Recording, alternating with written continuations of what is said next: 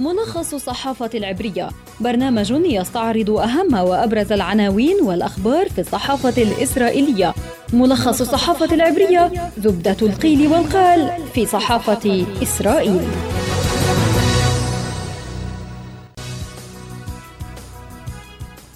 طابت أوقاتكم مستمعينا وإليكم ملخص الصحافة العبرية يأتيكم عبر شبكة أجيال الإذاعية. هذه الحلقة من إعداد خلدون البرغوثي وتقديم نجاح مسلم. وإليكم أبرز العناوين في وسائل الإعلام العبرية صباح اليوم. هآرتس تعنون في أجهزة الأمن الإسرائيلية يفترضون أن اشتعال الضفة الغربية قريب لكن الحكومة الإسرائيلية عاجزة. عن ذلك يعنون موقع والا العبري عمليات التهريب تملأ الشارع الفلسطيني بالسلاح والوضع في الضفة يسخن شيئا فشيئا. القناة الثالثة عشرة من ناحيتها تكتب مع اقتراب الأعياد اليهودية أجهزة الأمن الإسرائيلية تستعد لتصعيد أمني. وتستعرض يدعوت أحرنوت سياسة الاغتيالات الإسرائيلية وتقول تغيير استراتيجي بعد عملية ميونخ واستمرار للعمليات في التعامل مع إيران. إسرائيل هيوم تكتب لحسم حول الاتفاق النووي كل طرف يحاول تحقيق إنجاز في كل جولة.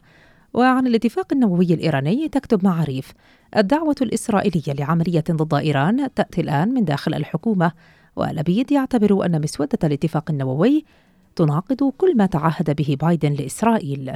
هيئة البث الإسرائيلية التجمع يتجه إلى خوض الانتخابات منفردا لكن المفاوضات مستمرة في القائمة المشتركة. القناة الثانية عشرة بنيامين نتنياهو سيحاول استهداف أفيكتور ليبرمان لمنعه من تجاوز نسبة الحسم في الانتخابات المقبلة. ركزت بعض وسائل الإعلام العبرية على ما تصفه بإمكانية حدوث تصعيد في الضفة ضد إسرائيل. وقالت صحيفة وآرتس إن المنظومة الأمنية الإسرائيلية تفترض أن اشتعال الضفة بات قريبا.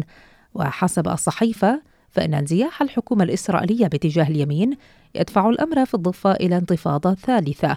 بالمقابل تقولها آرتس إن أجهزة الأمن الإسرائيلية لا تقرع جرس الإنذار في الوقت ذاته فهي مشغولة في قضيتي الاتفاق النووي مع إيران والمفاوضات على الحدود المائية مع لبنان وإمكانية التصعيد مع حزب الله. مع ذلك فإن كل حوار مع المسؤولين الكبار في المنظومة الأمنية الإسرائيلية في الأسابيع الأخيرة يشير إلى التصعيد في الساحة الفلسطينية خاصة في الضفة يتصدر على حساب باقي الجبهات كما أفادت الصحيفة. القناة الثالثة عشرة تناولت أيضا إمكانية التصعيد في الضفة مع اقتراب موسم الأعياد اليهودية. وتنقل القناة العبرية عن مصادر في الجيش والشباك تقديراتهم أنه بعد الصيف وقبل الأعياد اليهودية سيتدهور الوضع في الأمن في الضفة وسيبدأ تصعيد جديد. لذلك لن يكون أمام إسرائيل خيار سوى تصعيد الاعتقالات تحت مسمى جز العشب لإحباط العمليات المتوقعة. وفي موقع والا أيضا برز الحديث عن إمكانية التصعيد في الضفة لكن موقع والا العبري يركز في تقريره على عمليات تهريب السلاح وانتشار السلاح في الشارع الفلسطيني. ونشر مقاطع فيديو لمجموعات مسلحة على مواقع التواصل الاجتماعي خاصة تيك توك. ويتوقع قادة في المنظومة الأمنية لدى الاحتلال تصاعد عمليات إطلاق النار ضد المستوطنين وقوات الجيش مع ملاحظة التضامن الكبير في الشارع الفلسطيني مع الجيل الجديد من المقاومين مثل إبراهيم النابلسي الذي لم تكف والدته مثلا بالتفاخر به.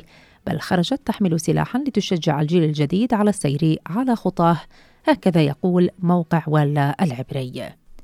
نهاية حلقتنا من ملخص الصحافة العبرية. كان معكم في الإعداد خلدون البرغوثي وفي التقديم نجاح مسلم. دمتم بألف خير وإلى اللقاء.